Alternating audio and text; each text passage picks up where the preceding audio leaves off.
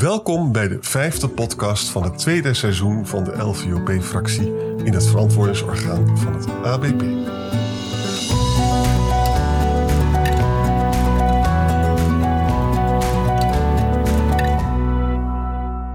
Vandaag spreken wij met de voltallige LVOP-fractie, bestaande uit Petra van Straten, Lida den Hartog, Sophie Vaas, Jeffrey van Noordwijk en ikzelf, Arend-Jan Boekenstein.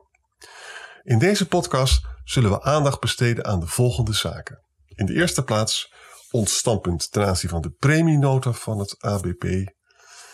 In de tweede plaats uh, gaan we praten over argumenten om wel of niet te korten in 2021. In de derde plaats uh, ons voorstel voor een nieuwe governance structuur van het AP, zoals we dat in het uh, Financieel Dagblad hebben gepubliceerd van 10 december 2020 op pagina 25. We hebben een blokje over beleggingen en we eindigen met een korte vooruitblik. Wij nemen deze podcast op met CleanFeed. Dit programma staat ons toe dat iedereen gewoon thuis achter zijn laptop kan zitten. Sophie Vaas zit in Eindhoven, Lida en Jeffrey zitten in Den Haag, Petra zit in Lieshout en ikzelf zit in Doorn. Nou, laten we maar beginnen met die premienota. Er was jarenlang geen kostendekkende premie. Er is nooit gekort. Torenhoge ambities werden nooit bijgesteld. Premievakanties werden uitgedeeld. Kosten van de FUT werden vrolijk bij de fondsen gedeponeerd. Er was een matig beleggingsbeleid waarbij eerst gegokt werd op een rentestijging terwijl de rente alleen maar daalde en slechts 25% van het renterisico werd afgedekt. Dit alles betekent dat de rendementen over de afgelopen jaren veel hoger hadden kunnen zijn. Het 16,8% rendement over 2019 was bijvoorbeeld onvoldoende om de lage rente te compenseren. De dekkingsgraad is daarmee eind, 2019 gezakt tot 97,8% En toen brak er ook nog eens een pandemie uit. En we zitten, we zitten nu op 88% En de laatste cijfers zijn 91,5% omdat de beurs weer wat is aangetrokken. Verantwoordelijke bestuurders zouden nu moeten besluiten om de ambities bij te stellen, te korten en de premies te verhogen. Maar dat is niet wat de sociale partners willen. Zij hopen dat het nieuwe stelsel dat een gegarandeerde uitkering loslaat goedkoper is, waardoor een korting kan worden voorkomen. Werkgevers zitten niet te wachten op een premieverhoging, want dan wordt hun waar alleen maar duurder. Alles wordt in stelling gebracht om een korting te voorkomen, ambities bij te stellen of de premies te verhogen. De rekenrente is te laag. Onzin, want de rekenrente is bij uitstek de verdeelknop tussen jong en oud. Er zit meer dan ooit in de pensioenkassen. Onzin, want er is gewoon onvoldoende geld om aan de toekomstige verplichtingen te voldoen. De minister wil zo graag het nieuwe stelsel door de beide kamers loodsen dat hij bereid is om kortingen in 2020 te voorkomen. Maar dat maakt het probleem alleen maar erger. In 2021 gaan we vast ook niet korten, omdat het een verkiezingsjaar betreft. In pensioenland is het altijd na ons de zonvloed. Laat dit relaas even op u inwerken uitstel van premieverhoging, kortingen en bijstelling van ambities is niets anders dan herverdelen van jong naar oud. Het nieuwe pensioenstelsel mag dan misschien goedkoper zijn, omdat de uitkering niet meer gegarandeerd hoeft te worden. Het kan nooit compenseren voor de jarenlange uitholling van de rechten van de jongeren. Als we de afgelopen twaalf jaar wel hadden geïndexeerd, hadden de jongeren het nog slechter gehad. Het is allemaal diep treurig. Nou, laten we maar beginnen met de reactie van de LVOP-fractie op de premieverhoging van het ABP. Wat vond de LVOP daarvan, Petra? Ja, dankjewel Arend-Jan. Ja, je noemde de, de ingrediënten net ook al een beetje. Uh, wat ons, ons betreft zijn er natuurlijk een paar dingen die ervoor zorgen dat je een uh, gezonde financiële situatie hebt bij het ABP. En daarvoor uh, moet de premie ehm, toereikend zijn. Maar belangrijker is wel dat de premie past bij de toezegging die je doet. Die toezegging, uh, dus dat de pensioenbelofte die je wordt gedaan, die is bij ABP ook torenhoog. En daardoor maken ze het zichzelf natuurlijk erg moeilijk om daar een, uh, een premie bij te vragen die niet een groot deel van het salaris van uh, de deelnemers opsnoept. En een derde ingrediënt om te zorgen voor een goede financiële situatie is natuurlijk het ingrijpen op de dekkingsgraad. Dus als je een te lage dekkingsgraad hebt, dat je een korting doorvoert. Nou ja, wat gebeurt er dan als wij alleen een premiebesluit uh, voorkrijgen om iets van te vinden als verantwoordingsorgaan? Dan heb je dus twee andere mogelijkheden om voor een gezond uh, pensioenfonds te zorgen. Die heb je al terzijde gesteld. Namelijk die toezegging die wordt gedaan, die veel te hoog is. Daar mogen we al niks van vinden. En van het uh, korte mogen we ook niks vinden. Nou ja, dan wordt dus de, de, de vraag gesteld: zijn wij akkoord met die premie die ABP wil gaan, gaan vragen? En die premie, ja, dat is bij ABP, dat premiestuur, dat is gewoon bot. Als je de premie verhoogt, al verhoog je hem tot 300% dan doet dat onvoldoende om op korte termijn bijvoorbeeld uh, de, de, pensioenbelofte en de indexatie na te komen. Dus het pijnpunt uh, zit bij het gehele pakket. En uh, tijdens de vergadering in, in november maakten we ook de vergelijking met, met een auto. Wat ABP doet is een hele dure Mercedes beloven. Maar de premie die ervoor wordt betaald, daarmee kan je misschien op termijn een Golf kopen. Uh, maar er is ook niks mis met een Volkswagen Golf. Dus als je die toezegging nou wat verlaagt, dus gewoon die Volkswagen Golf belooft aan de deelnemer, dan kan je ook daar de financiering voor uh, op orde brengen. Dus wij hadden als LVOP, uh, ja, we konden niks zinnigs over die premie zeggen. Die premie die, die is te laag bij de toezegging, maar de toezegging is gewoon exorbitant hoog, die, we niet na gaan die ABP niet na gaat komen. Dus wij hebben gezegd, alleen maar geïsoleerd naar het premiebesluit kijken. nee, dank u wel, wij doen niet, uh, niet mee met dit besluit. En wij onthouden ons van, uh, van advies. Dus Bertha, je, je, grootste bezwaar is eigenlijk het feit dat ze die ambities niet, niet bijstellen. Hè? Ja. Dat is, dat is het, de kern van het argument. Goed, het ABP gaat niet korten in 2021 en de premie wordt wel licht verhoogd. Het originele plan was dat ja, bij, als je onder de 104% zou komen, dan zou je dus uh, met die dekkingsgraad, dan zou je moeten korten. Maar toen kwam er een vrijstelling hè, vanwege de hoge buffers die je natuurlijk in het oude systeem moet uh, aanhouden. En toen werd het dus 90%. Hè? Uh, en Sofie, wat ik jou wil vragen, eigenlijk zou je dan dus toch onder de 90% dus moeten korten nu. Hè? Nou, we zaten lang op 88% en nu zitten we weer op de 91,5%. Maar alleen maar omdat die beurs paradoxalerwijs uh, aantrekt. Eigenlijk zitten we nog steeds pijn vooruit te schuiven ten koste van de actieven. Wat vind je daarvan, Sophie? Ja, ik herken wel dat we het heel moeilijk vinden met z'n allen in Nederland om de pijn te nemen. Um, het is natuurlijk niet zo dat het alleen um, korter gaat ook ten koste van de actieven, niet alleen van de gepensioneerden. Want tegen de tijd dat wij met pensioen gaan, zou de uitkering dan ook lager zijn. Um, ja, maar je, je kunt je geld maar één keer uitgeven. En ik vind het wel verfrissend om wat argumenten voor korten te geven als die dekkingsgraad onder de 90% komt. Uh, want die hoor je zo weinig. Hè, sterker nog, in de, onze laatste vergadering riep de FNV ook op dat het bestuur lobbyt tegen kortingen überhaupt in 2021, zelfs als de dekkingsgraad onder die 90% uh, zakt. Uh, nou, en waarom is het dan wel een goed idee om te korten? Uh, het uit, de huidige uitkering van een deel van de gepensioneerden is eigenlijk heel hoog ten opzichte van de premie die ze daarvoor betaald hebben. Veel huidige gepensioneerden konden bijvoorbeeld met 60 stoppen en hebben 35 uh, arbeidsjaren gehad en premie betaald. En als ik dat vergelijk met mezelf, ik ben dan op mijn 21ste begonnen met werken, best vroeg. En uh, ja, als ik op mijn 69ste met pensioen kan, betaal ik 48 jaar premie. Uh, en ik vind het dus best wel rechtvaardig iets aan de hoogte van die uitkering te doen om uh, de financiële positie van het fonds te uh, verbeteren. Um, ja, er zijn ook continu verwachtingen geschept. als het economisch slechter gaat, dan moeten we korten. Het is ook in de communicatie van ABP steeds meegegeven. We moeten misschien korten. Nou, dan zou ik zeggen, ja, doe dat ook als dat kan. Want je verbetert de financiële positie ermee. En met die financiële positie gaan we het nieuwe stelsel in. Uh, en ik maak me in die overgang naar het nieuwe stelsel eigenlijk het meeste zorgen tussen de groep tussen de 40 en de 50 jaar. Dus niet zozeer de jongeren, Arend Jan, uh, die jij altijd zo expliciet uh, benoemt in jouw dramatische stelling. want de middengroep wordt denk ik best wel hard geraakt. ze hebben al meebetaald aan vroegpensioenregelingen waar ze zelf geen gebruik van maken. En um, zij worden het meest benadeeld door de afschaffing van de doorsneesystematiek en worden daar waarschijnlijk niet volledig in gecompenseerd. En wij hebben dus ook wat financiële ruimte nodig om hen te compenseren bij overgang naar het nieuwe stelsel. Dus we moeten echt zorgen dat we voor die overgang naar het nieuwe stelsel een betere financiële positie hebben. Dat was wat ik er nu over kwijt wou. Oké.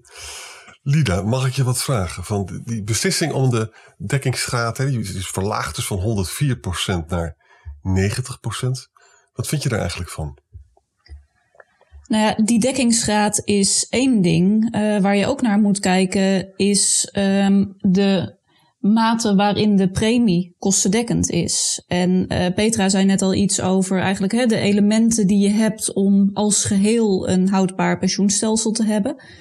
Um, dat gaat over de belofte die je doet. Het gaat over de premie die daarbij hoort en wat je feitelijk gaat uitkeren. En wat er in mijn observatie nu gebeurt, is uh, ja, niet korten onder de 104%, niet korten onder de 90%. Um, het is het vooruitschuiven van pijn. En ook het vooruitschuiven van pijn omdat we in een verkiezingsjaar zitten. En dat dan onder het motto van ja, we gaan richting een nieuw pensioencontract. Daarin wordt het gehele pensioen onzekerder. Dus hè, als we het nu ook al wat onzekerder maken, dat is alleen maar in de geest van dat nieuwe contract. Dat mag waar zijn. Hè? Het nieuwe pensioen wordt onzekerder. Maar op dit moment zitten we al in een onhoudbare situatie. En hoe verder je nu die onhoudbaarheid uh, gaat stapelen, nog verder gaat opbouwen, hoe wankeler het geheel wordt dat je straks gaat invaren, waar Sofie het al over had, in dat nieuwe contract. We hebben al veel te hoge beloftes, een premiedekkingsgraad, ik weet niet precies wat die is, um, maar volgens mij onder de 70% Dus hoe langer je wacht met het nemen van die pijn, hoe kwetsbaarder uiteindelijk het geheel is wat je gaat invaren in dat nieuwe systeem. En dat gaat, hoe je het ook wendt of keert, ten koste van de actieven. Dus um, het is geen fijne boodschap. En ik zie ook zeker bijvoorbeeld hè, de, de, de gepensioneerden, achterblijvende indexatie. Die raakt ook de actieven, maar die raakt zeker de gepensioneerden, want die voelen het nu in hun portemonnee. Dus um, ik wil niks afdoen aan de pijn die zij ervaren. Maar voor generaties die later met pensioen gaan, zijn we nu eigenlijk de teleurstelling van de toekomst nog wat groter aan het maken. Ja. Het lijkt wel alsof in het pensioenland altijd argumenten gevonden worden om niet te korten. Dus altijd, altijd is er wel wat. Dan zijn er weer verkiezingen. Dan zijn er weer andere dingen. Het is, Jeffy, wat vind jij er nou eigenlijk van? Nou, het, het, is gewoon super bijzonder om te zien dat die overgangsprincipes uh, zo eenzijdig worden geïnterpreteerd. Dus uh, wat, wat Lida en Sofie al zeggen, ja, die buffers die zijn dus niet meer nodig in het nieuwe stelsel. Dus nou ja, dan hoeven we nou ook niet te korten, want uh, we houden nu rekening met buffers die straks niet meer nodig zijn. Tegelijkertijd heeft Colmes ook aangegeven van ja, de premie moet uh, ook stabiel blijven. We willen zo'n stabiel mogelijk overgangspad naar het nieuwe stelsel hebben. Maar daar wordt dan eigenlijk weer totaal niet aan tegemoet gekomen, want de, de, de premie die gaat gewoon wel door met stijgen. Dus eigenlijk de, de financiële situatie wordt er dus nu niet beter op. Maar aan de andere kant worden wel gewoon de premies verhoogd die eigenlijk bij de actieve, uh, ja, zeg maar voor extra kopzorgen zorgen.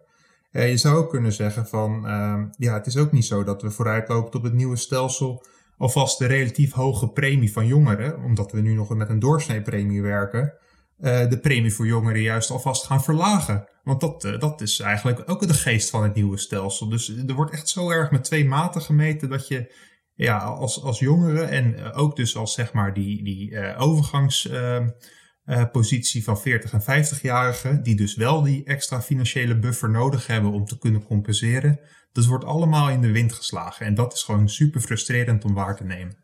Dat betekent ook, als hoe dan ook, we zijn de pijn vooruit aan het schuiven. Daar zijn we heel erg goed in. Hè? Daar kunnen we eigenlijk een prijs voor krijgen. Dat betekent dus dat op het moment van het invaren, wat we nou gaan krijgen naar het nieuwe stelsel, dan is er dus heel veel pijn die verdoezeld moet worden op een of andere manier.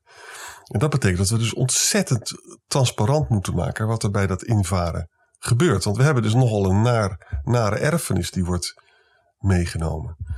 Wat vind je daarvan, uh, Lida? Nou, ik denk in uh, een van de vorige podcasts uh, die we gemaakt hebben, zei Hans van Meerten daar wel interessante dingen over. Um, dat we toch heel scherp moeten gaan kijken hoe het daar zit met eigendomsrechten en of dat allemaal wel eerlijk gaat. En um, kijk, het, het is in zoverre misschien niet een helemaal exacte wetenschap dat je met heel veel aannames moet gaan werken om dat op een goede manier te doen.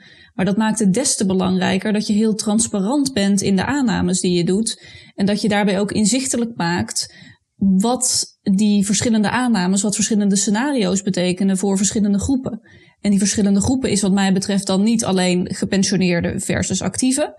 Maar binnen de groep nog niet gepensioneerden, wat doet het met uh, slapers, dus mensen die voormalig deelnemer zijn aan het fonds, versus de mensen die nu nog actief zijn. En wat doet het met bepaalde leeftijdsgroepen? Wat doet het misschien met de groep uh, die een arbeidsongeschiktheidspensioen ontvangen? Je moet heel goed gaan kijken naar die verschillende groepen en wat zijn de consequenties bij verschillende aannames die je doet. En um, vervolgens kun je het hebben met elkaar over vinden we dat rechtvaardig. Maar je moet heel goed met elkaar al die aannames transparant maken. Ja, ik hoop dat we daarin zullen slagen met elkaar. Er zijn namelijk ook uh, actoren werkzaam die dat juist zo weinig transparant willen maken, omdat er natuurlijk gewoon objectief gesproken wat te verbergen valt, lijkt me. Want de pijn is vooruitgeschoven. Goed, dan gaan we het over governance hebben. Um, we hebben daarover een stuk gepubliceerd in het Financieel Dagblad, 10 december uh, 2020 natuurlijk op pagina nummer 25. Kern daarvan was dat de sociale partners, die zitten eigenlijk in alle gremia, die controleren zichzelf. Dat is eigenlijk het kernargument wat we hebben. Ze zitten overal in, in de pensioenkamer, in het fondsbestuur, in het verantwoordingsorgaan en zelfs in onze raad van toezicht zit er nog een lid met een vakbondsverleden. Nou, dat zou natuurlijk veel beter kunnen. En ons voorstel is eigenlijk dat je dan dus in het uh, fondsbestuur professionele bestuurders zou neerzetten. En dat je wel uh, in de pensioenkamer, maar ook in het verantwoordingsorgaan uh, sociale partners houdt.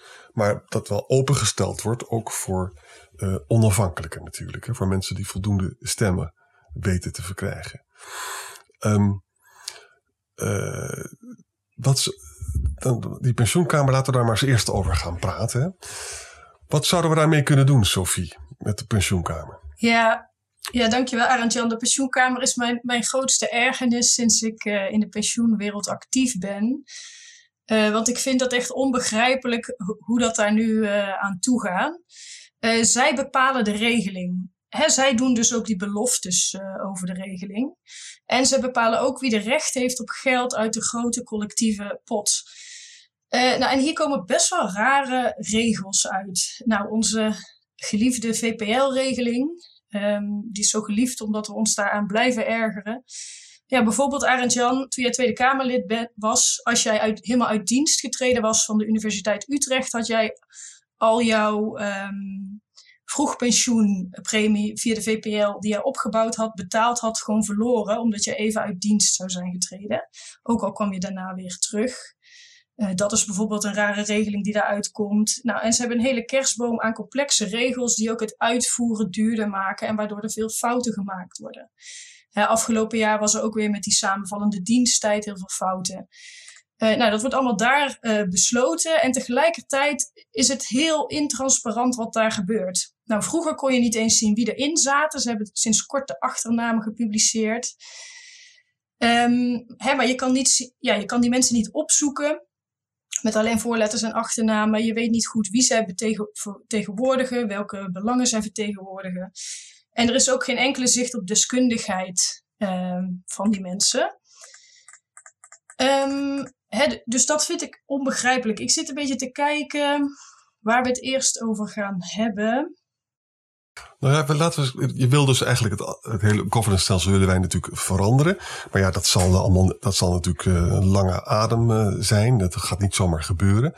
Dus laten we eens kijken, wat zou je met die pensioenkamer nu al kunnen doen? Waartoe, waartoe zou je ze kunnen oproepen in het bestaande ja. systeem? Hè? Ja, dus ik heb eigenlijk al hele. Ik heb de pensioenwetten even op nagelezen. En daar staat gewoon dat een meerderheid van de vakcentrales en uh, de werkgevers die pensioenregeling mogen bepalen. Um, ja, wat ik me nou afvraag, in welke mate vertegenwoordigen die uh, sociale partners uh, en met name de vakbonden nog alle werknemers? Hè, het is bijvoorbeeld, wij kunnen daar al niet inkomen als je niet lid bent van een vakbond. En uh, ze zeggen wel dat ze voor iedereen opkomen. Maar in de praktijk wordt er toch het meest geluisterd naar de mensen die lid zijn en die mondig zijn. En dat zijn toch de wat oudere, conservatievere stemmen. Nou, de wet geeft wel ruimte om het zelf beter te doen. Hè? Dus ik zou eigenlijk de pensioenkamer zelf in eerste instantie willen oproepen om transparanter te worden. Ze kunnen bijvoorbeeld een lid, uh, een profiel van elk lid op de website zetten, ook met nevenfuncties, transparant maken wat de vergoeding is, hoe werkt aanstellen en aftreden. Uh, doe ook wat verslag van je activiteiten. Uh, wat wordt er besproken en wat zijn de afwegingen die gemaakt worden? Hè? En, en wat zijn ook de argumenten om bepaalde besluiten te nemen? Daar ben ik heel benieuwd naar. Uh, en leg ook verantwoording af dat je representatief bent uh, voor alle deelnemers van ABP. en ook dat je diverse deskundigheden in huis hebt. Hè, dat kan de pensioenkamer allemaal zelf doen. Um, ja, ten tweede is eigenlijk een oproep aan de regering of de Tweede Kamer. Die kunnen van de pensioenkamer eisen uh, dat daar meer diversiteit en deskundigheid is. Hè, zoals we dat ook van pensioenbesturen eisen. Hè, daar moet bijvoorbeeld iemand van onder de 40 in zitten en daar moet tenminste één vrouw in zitten. Uh, en die moeten de Nederlandse banktoets doen. Hè, dat hoeft de pensioenkamer allemaal niet. Uh, ja, en de politiek heeft ook de mogelijkheid dat er echt representatieve vertegenwoordiging komt te zitten en niet alleen in de traditionele vakbonden. Bijvoorbeeld zo, het VO wordt ook samengesteld uh, de deelnemersbelangen door directe verkiezingen met vrije deelname. Daar zou je ook aan kunnen denken. Oké. Okay. Lida, wat vind je van die voorstellen? Ja, wat mij betreft, uh, kijk, de pensioenkamer als zodanig is niet per se iets mis mee. Want dat is gewoon een tafel waarin werkgevers, werknemers met elkaar onderhandelen over de inhoud van de regeling. En dat gesprek moet ergens plaatsvinden. Dus dat dat in een pensioenkamer is, daar heb ik geen moeite mee. Um, maar ik herken wel heel erg wat Sophie zegt. Het is belangrijk wie daar dan aan tafel zitten. En is dat een beetje evenwichtige belangenbehartiging van alle belangen die onderliggend spelen. En dat is wat mij betreft ook een punt dat gaat breder dan het ABP en de pensioenkamer, maar dat gaat zo breed als voor alle onderhandelingen over alle pensioenregelingen. Uh, want pensioen merk je toch, het is voor heel veel mensen best wel abstract. Het is iets wat je over 40 jaar, als je een keer met pensioen gaat, krijgt. Dus um, de bereidheid van mensen om echt te investeren in, in kennis daarover is niet zo groot. En ze geloven wel dat het goed geregeld wordt. Ja, dan is het dus des te belangrijker dat die mensen die die onderhandelingen voeren namens jou, dat ook feitelijk namens jou doen. Ook als jij uh, niet een um, 50-plusser bent, om maar iets te zeggen. Um, en dat ze echt verstand van zaken hebben. Dus wat mij betreft uh, geldt het niet alleen voor uh, de onderhandelaars in de pensioenkamer dat zij verstand van zaken moeten hebben, maar voor alle onderhandelaars, voor alle pensioenregelingen bij alle fondsen. Ja. Jeffrey, heb je behoefte om daar nog wat aan toe te voegen? Of ben je het er helemaal mee eens? Nou ja, zeker als je straks ziet wat er allemaal op ons afkomt in dat uh, nieuwe pensioenstelsel. Uh, deze mensen die moeten gaan, uh, gaan overeenstemmen wat, wat er met de solidariteitsreserve gaat gebeuren. Hoe beleggingsrendementen worden toebedeeld over de verschillende cohorten. Dus het gaat over, over echt wel belangrijke zaken. Dus wat dat betreft ben ik het zeker mee eens dat hier nog wel aardige wat veranderingen moeten worden doorgevoerd. Wil dat, wil dat voor wat zekerheid zorgen? Ja. Nou, ik, er is natuurlijk een groot verschil tussen gelijk hebben en gelijk krijgen in deze boze wereld. Hè? En uh, jullie zeggen allemaal hele verstandige dingen, waardoor het allemaal veel beter zou, worden, zou zijn georganiseerd. Maar goed, dat, dat zijn onze opvattingen en uh, dat, dat betekent niet dat je zomaar gelijk krijgt. Hè? Dus ik heb nog een beetje na zitten denken en ik denk dat we moeten misschien een aantal podcasts ook gaan maken met de woordvoerders uh, pensioenen van de diverse politieke partijen. En maar gewoon hen confronteren met onze opvattingen. Misschien dat we dan iets in beweging kunnen krijgen. Ja, goed idee. Ja, laten we gaan naar uh, beleggingen. Uh, terugblik 2020. Sophie, zou je daar wat over willen zeggen? Want jij bent voorzitter van de beleggingscommissie van ja. En ik zet mij in het VO ook in voor duurzaam beleggen. En ik ben dus ook voorzitter van commissie beleggingen. Nou, wij waren heel blij um, met de toezegging dat ABP hun beleggingen in kolen en teerzand gaan afbouwen. Uh, ze doen dat uh, in bedrijven die meer dan 30 procent uh, ja, in dat soort bedrijven hebben. Die gaan ze dus afstoten.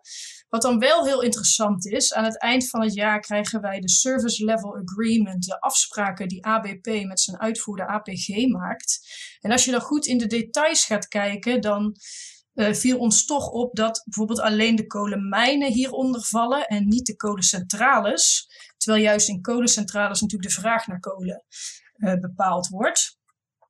Uh, nou, ze zeggen dan, nou dat ondervangen wij in onze insluitingscriteria. Dus uh, bedrijven die kolencentrales uitbreiden, die, daar gaan ze sowieso niet in beleggen. Maar ja, die, die criteria zijn niet allemaal publiek.